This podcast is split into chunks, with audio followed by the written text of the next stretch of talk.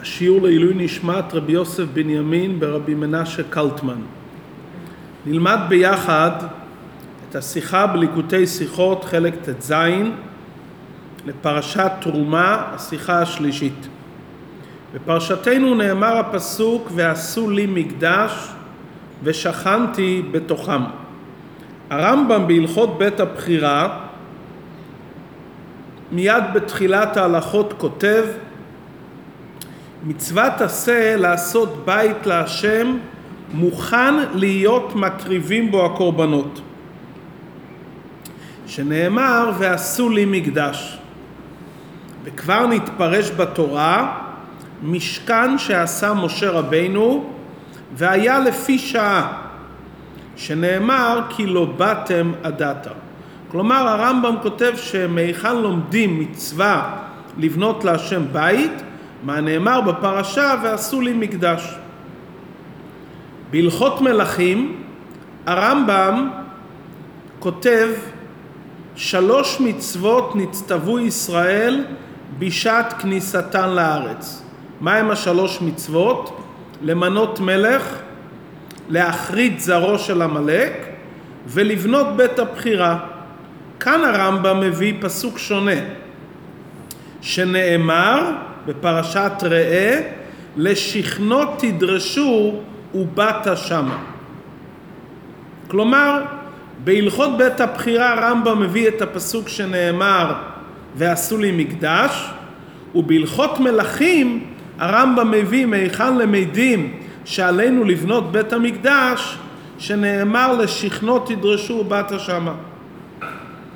ידוע הקושייה מדוע הרמב"ם לא מביא את הפסוק לשכנות תדרשו ובאת שמה גם בהלכות בית הבחירה. מתרץ על זה הלחם משנה, אחד ממפרשי הרמב"ם, שהפסוק ועשו לי מקדש מדבר רק על המשכן שהיה במדבר והפסוק שנאמר לשכנות תדרשו הולך על משכן שילה שהיה בעת כניסתם לארץ וכמו שלבנות את משכן שילה בארץ ישראל זה מצווה, ודאי שלבנות את בית הבחירה בירושלים זה מצווה. עד כאן דברי הלחם משנה, לבאר מדוע הרמב"ם מביא פסוקים שונים. אבל עדיין זה לא מובן. מכיוון שהרמב"ם מונה בהלכות בית הבחירה את המצווה שנוהגת לדורות, מדוע הרמב"ם מביא את המצווה, את הפסוק, שמדבר על המשכן. הרי הלכות בית הבחירה זה הלכות שמדברים על בית הבחירה והמקדש הנצחי. בית ראשון, בית שני, בית שלישי. היה מתאים שהרמב"ם יביא פסוק שמדבר על בית המקדש. לשכנות תדרשו ובאת שמה.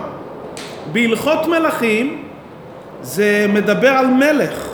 מדובר כאן בכלל על מלך והרמב"ם מביא בדרך אגב לכאורה את העניין שמלך, אחד מהמצוות המוטלות על המלך זה לבנות את בית המקדש וכאן הוא מביא פסוק שלכאורה מדבר ממש על בית המקדש. לשכנות תדרשו ובאת שמה שמדבר על משכן שילה ועל בית המקדש שנקרא בית עולמים.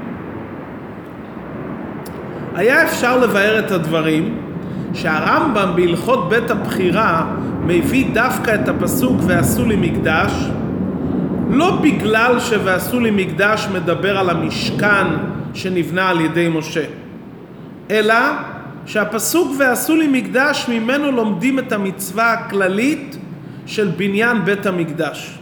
כלומר ועשו לי מקדש זה לא רק משכן אלא כל המקדשות שקרויים גם בשם משכן למדים עליהם מהפסוק בפרשתנו ועשו לי מקדש.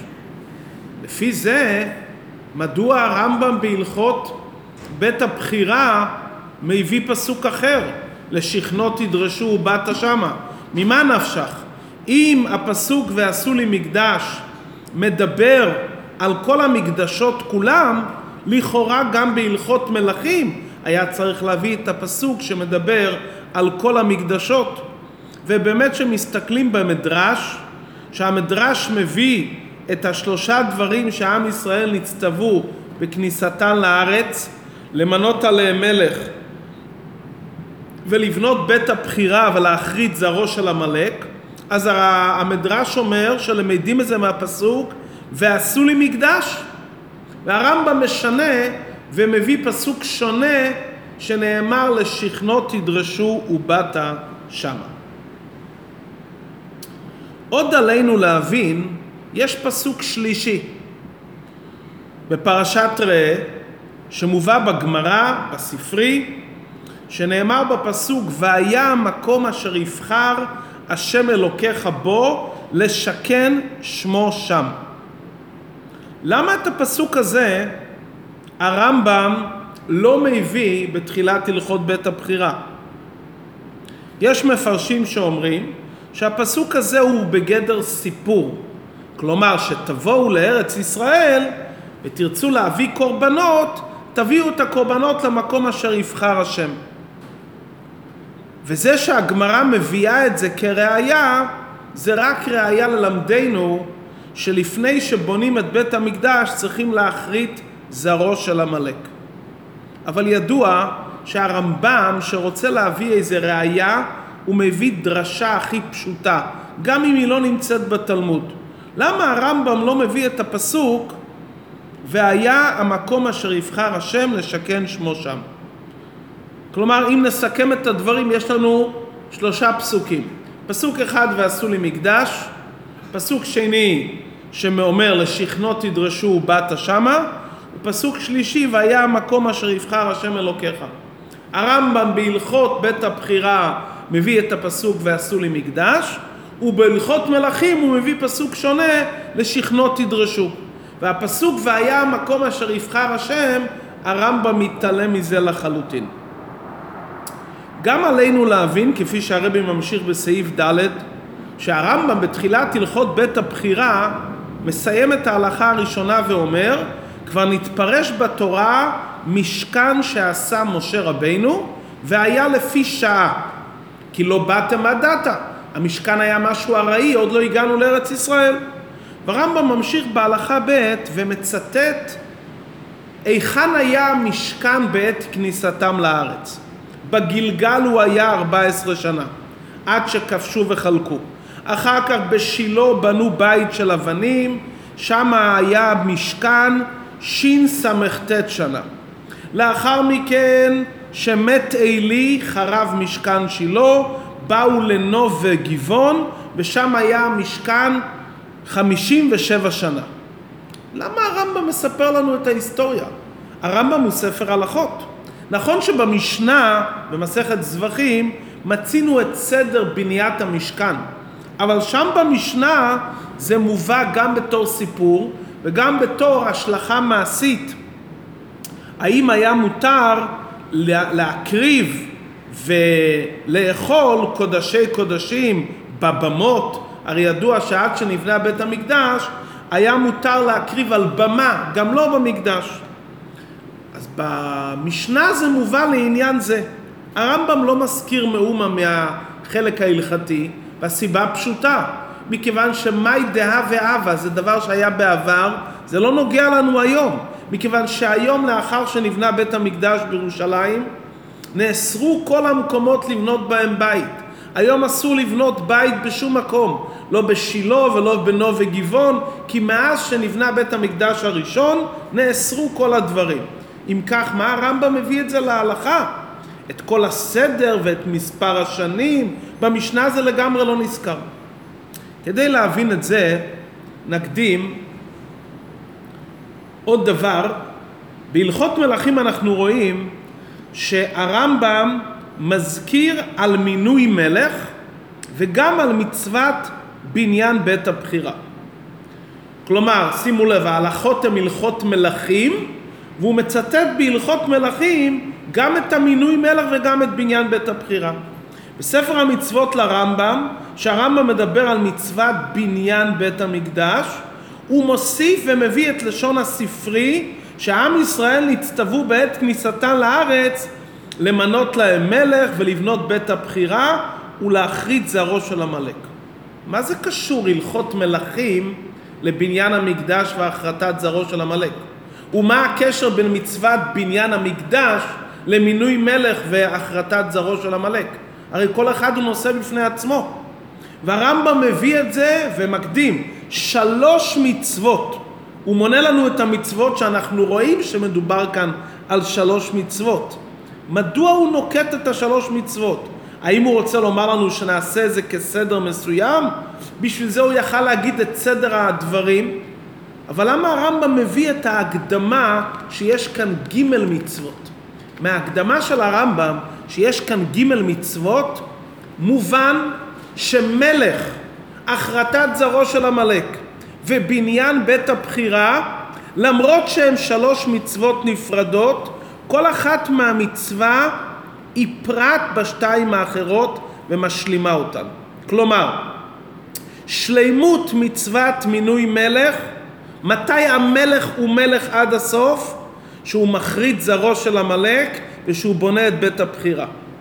מתי בית המקדש, בית מקדש שלם עם כל הפרטים, שהיה מינוי מלך והיה מלחמת עמלק. כלומר זה שלוש מצוות שמשלימים אחת את השנייה. ולפי הסדר, קודם ממנים מלך, אחר כך מחריטים זרעו של עמלק וכל האויבים שמפריעים, ולאחר מכן בונים את בית הבחירה. כלומר, לא רק מצד עם ישראל הם נצטוו לעשות את שלושת הדברים האלו, אלא גם מצד המושג של מלך. הגדר של מלך, מתי מלך יכול להיות מלך אמיתי? מתי שהוא יכרית את האויבים ואת מלחמת עמלק ושהוא יבנה את בית המקדש. מתי בית המקדש יכול להיות בית המקדש? לא רק מצד הציווי לעם ישראל, אלא הגדר של בית המקדש, שיהיה בית המקדש ראוי ומושלם, מתי שיש מינוי מלך ומלחמת עמלק. ולכן הרמב"ם מצטט מהפסוקים ואומר, בנוגע לדוד ושלמה בבית ראשון, ויהי כי ישב המלך בביתו, והשם הניח לו מסביב מכל אויביו, ויאמר המלך אל נתן הנביא, אנוכי יושב בבית ארזים, מה יהיה עם בניין המשכן, המקדש? כלומר הרמב"ם רוצה לומר בזה לא רק את סדר הדברים, אלא מכיוון שמלך נמצא במנוחה, עליו מוטל לבנות את בית הבחירה. כי מלך שנמצא במנוחה, מצד גדרי המלוכה, מוטל עליו לבנות את בית המקדש. ולכן, היכן שהרמב"ם מצטט את העניין של מלך, לדוגמה בהלכות מלכים, הוא מיד מזכיר את שתי המצוות הנוספות. להחריד זרעו של עמלק ולבנות את בית המקדש. בהלכות בית הבחירה שמדבר על בניין בית המקדש, גם שם הוא מזכיר את שלושת המצוות. כי זה שלושת מצוות שתלויים זה בזה, משלימים זה את זה, כל אחת מהמצוות היא גם פרט בשתיים האחרות ומשלימה אותן. לפי ההבנה הזו, ששלושת המצוות האלו זה מהות אחת שמשלימות זו את זו, נבין גם את המשך ההלכות ברמב"ם. הרמב"ם אומר ככה, מצוות תעשה לעשות בית להשם מוכן, שנאמר ועשו לי מקדש. והוא ממשיך ואומר, כבר נתפרש בתורה משכן שעשה משה רבינו והיה לפי שעה. מה הרמב"ם מזכיר כאן את משה רבינו? בונים בית להשם וכבר למדנו את המשכן שעשה משה. לפי מה שאמרנו הדברים מובנים.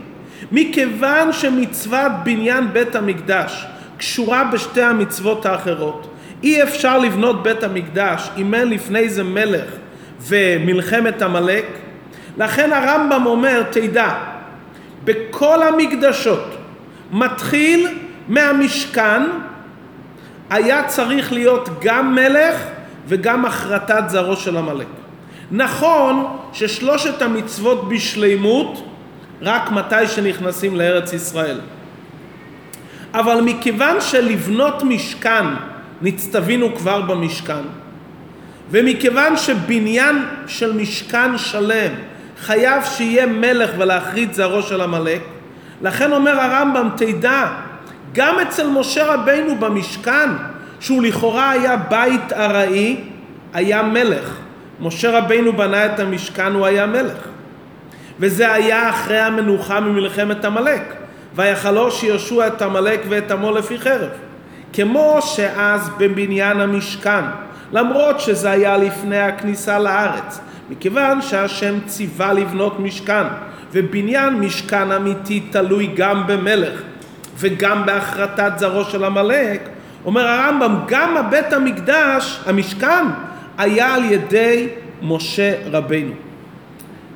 יוצא לפי זה דבר נפלא, שזה שהרמב"ם כותב שהמצווה היא מ"ועשו לי מקדש ושכנתי בתוכם", הרמב"ם רוצה לומר לנו, תדעו, מאז שהשם ציווה לבנות משכן, שבני ישראל בונים את המשכן, הם מקיימים את המצווה ועשו לי מקדש.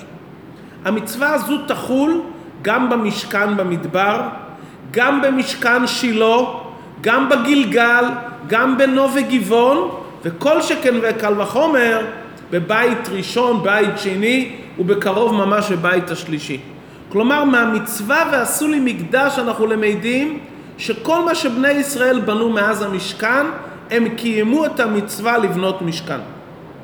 ומכיוון שכל מצווה של בניין בית מקדש, כולל משכן, חייב להיות גם עם מלך וגם עם להחריד זרעו של עמלק, מיד אומר הרמב"ם, תדע, משה רבינו היה מלך, ולכן זה היה שלימות בבית המשכן, במשכן זה היה על ידי מלך.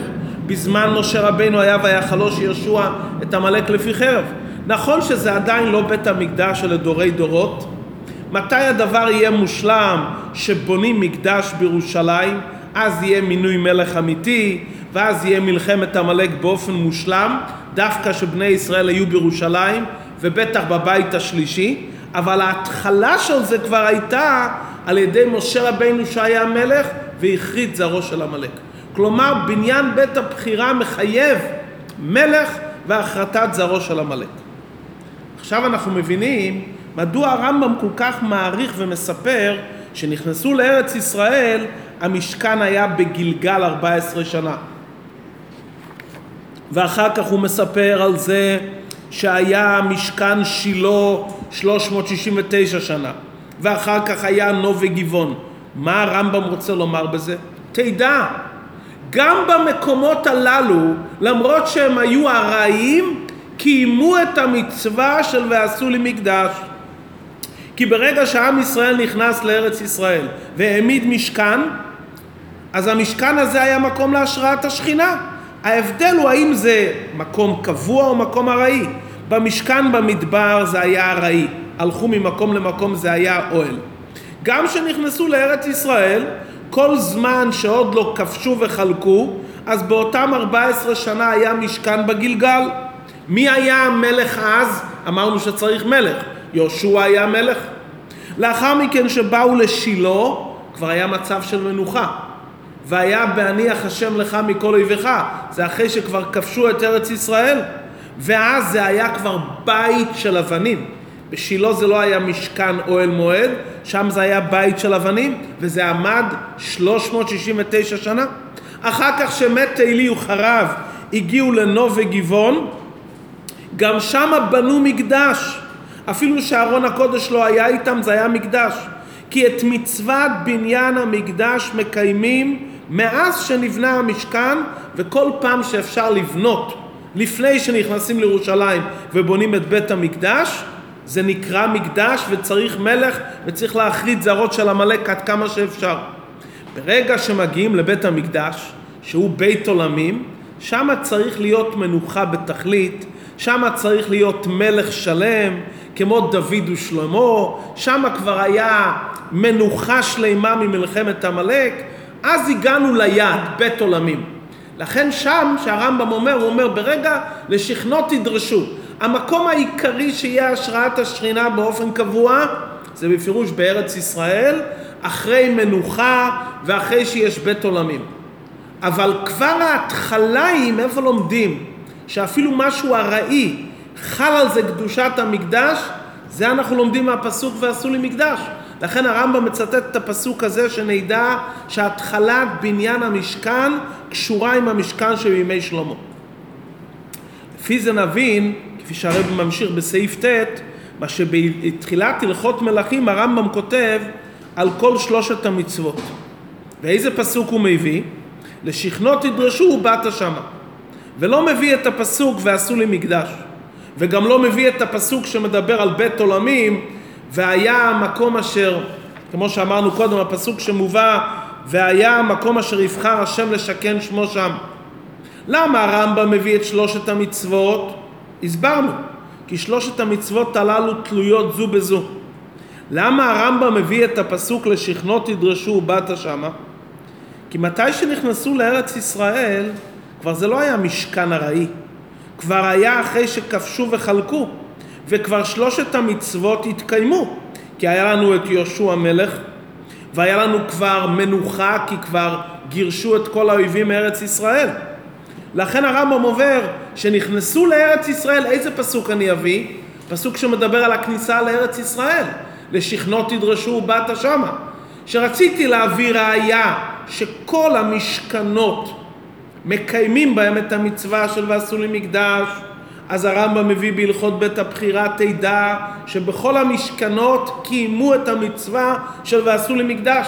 אבל כשהרמב"ם מדבר על שלושת המצוות שנכנסים לארץ ישראל ומדבר על הזמן שיש כבר מלך, כבר הוא, שם הוא מביא את הפסוק לשכנו תדרשו. הוא לא רוצה להביא את הפסוק שמדבר על בית המקדש, כי היינו חושבים שרק בית המקדש הוא בית עולמים נצחי, שם יכול להיות השראת השכינה.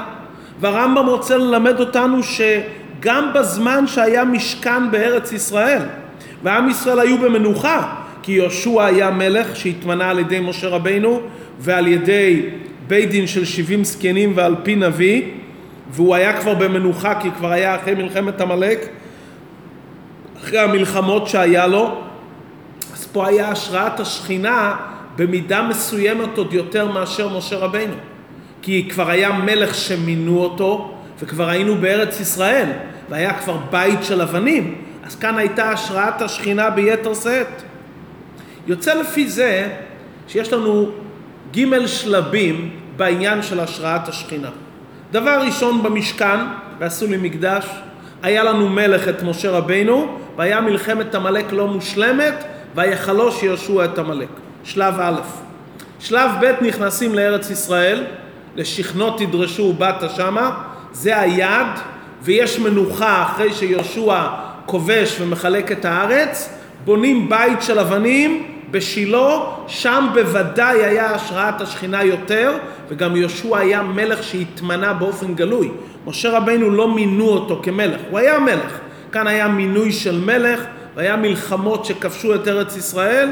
במילא משכן שילה, שהיה קרוב ל-400 שנה, בוודאי שהיה מקום להשראת השכינה בדרגה יותר פנימית ועמוקה מאשר אוהל של משכן שנדדו איתו במדבר ממקום למקום. והשלב השלישי והסופי שבונים בית מקדש בירושלים, בית ראשון, בית שלישי, ואז יהיה מלך מושלם, בטח מלך המשיח, ואז יהיה להכרית את כל האויבים ממש, את עמלק ואת כל האויבים, אז יהיה השראת השכינה באופן מושלם, וזה יהיה סיום הציווי שקיבלנו על ידי משה רבינו ועשו לי מקדש. כי ועשו לי מקדש התחיל במשכן במדבר, המשיך שילה, נוב, גבעון, בית ראשון, בית שני, והשלימות של ועשו לי מקדש יהיה בבית השלישי.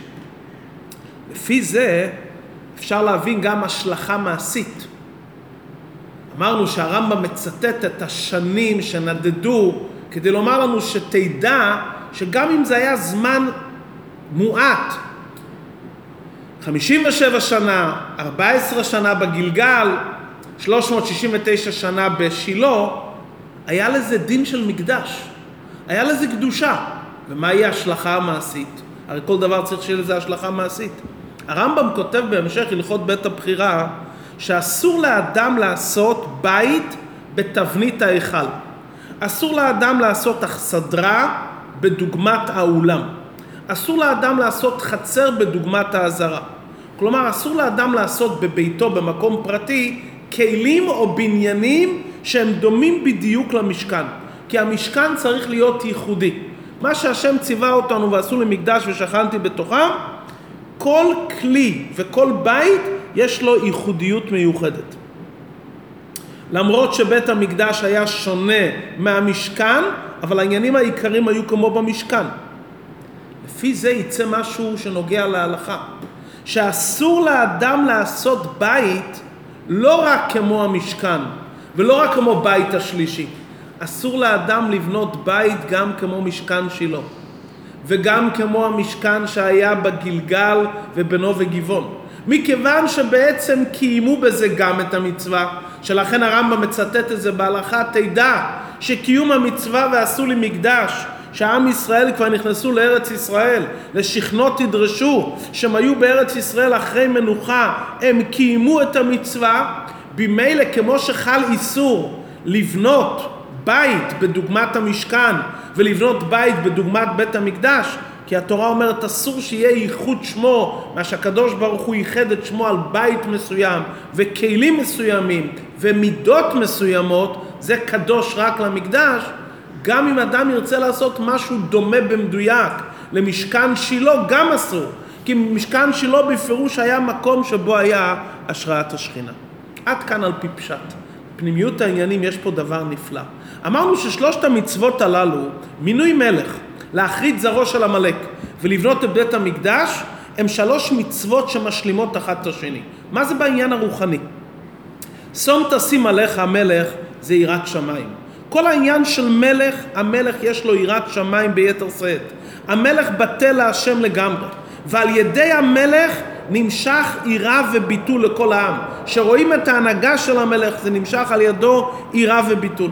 כשאדם מגיע לשלב הראשון בעבודת השם, יראת שמיים בסיסית, שבאה בעקבות מינוי מלך רוחני, מלכות שמיים, הוא נמצא במצב של התקפיה. הוא כופה את עצמו ולא עושה דברים שהפך רצון המלך, מלכו של עולם. שלב שני, מחיית עמלק. מה זה מחיית עמלק? הוא ביער טהרה. זה כבר לא התקפיה, זה כבר שלב של התהפכה. אתה מוחה את העמלק, מוחה את האויבים, עד שאתה עושה מהם התהפכה. ואז אתה יכול לבנות בית המקדש. מה זה בית המקדש? מה כתוב על בית המקדש? ומקדשי תיראו. בבית המקדש אפשר להגיע לדרגה של עירה עילאה. יש עירה בסיסית שיש מלך. יש עירה שזוכים עליה רק אחרי שלומדים תורה. העניין של בית המקדש, שם היה הארון והתורה. שיהודי לומד תורה וחי עם התורה, אז על ידי זה שהוא נמצא בבית המקדש, שזה דלת אמות של הלכה, שם הוא זוכה להגיע לעירה עילאה בדרגה הרבה יותר גבוהה. לכן יש לנו עירה בסיסית, שזה מינוי מלך, התהפכה מלחמת עמלק, והדרגה של עירה עילאה שבאה כתוצאה מזה שיהודי חדור בקדושת המקדש, חדור בתורה. עכשיו אנחנו נבין למה הכל צריך להתחיל עם משה רבינו. מי הראשון שנתן לנו את הדברים האלו משה רבינו? וכפי שהרמב"ם מדגיש, כבר נתפרש בתורה משכן שעשה משה רבינו. מי נותן דעת לכל יהודי שיוכל להגיע ליראת השם? משה רבינו. ואתה ישראל, מה השם אלוקיך שואל מעמך כי אם ליראה? שואלת הגמרא, זה כל כך פשוט יראה? אומרת הגמרא, כן, לגבי משה רבינו זה דבר קטן. כלומר, ההתחלה של יראת שמיים, יראת התאה, מגיע על ידי משה רבינו. אחר כך לבנות את המשכן, שזה יראה הילאה, בוודאי שצריכים את משה רבינו. ועל דרך זה במשכן הפרטי בכל אחד בתוכו. הרי בתוכו לא נאמר אלא בתוכם.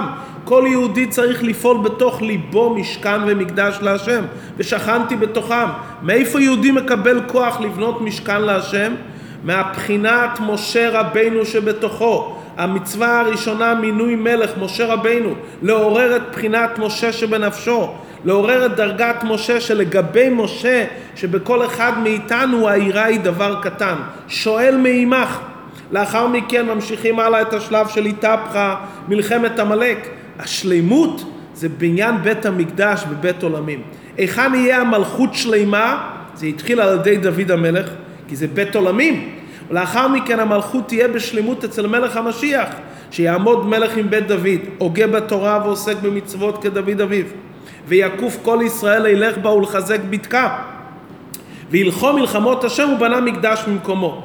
אצל דוד המלך ושלמה והסיום אצל מלך המשיח שבא מזרע דוד ושלמה, אז יהיה המלכות בשלמות, אז יהיה החרטת זרעו של עמלק בשלמות, היראת שמיים תהיה שלמה, האיתפחה תהיה שלמה, אז יהיה השם שלם והכיסא שלם, אז יתגלה המלכות של הקדוש ברוך הוא בעולם, בבניין בית המקדש השלישי, שהוא בניין נצחי, עליו נאמר מקדש עדני כוננו ידיך, במהרה בימינו בקרוב ממש.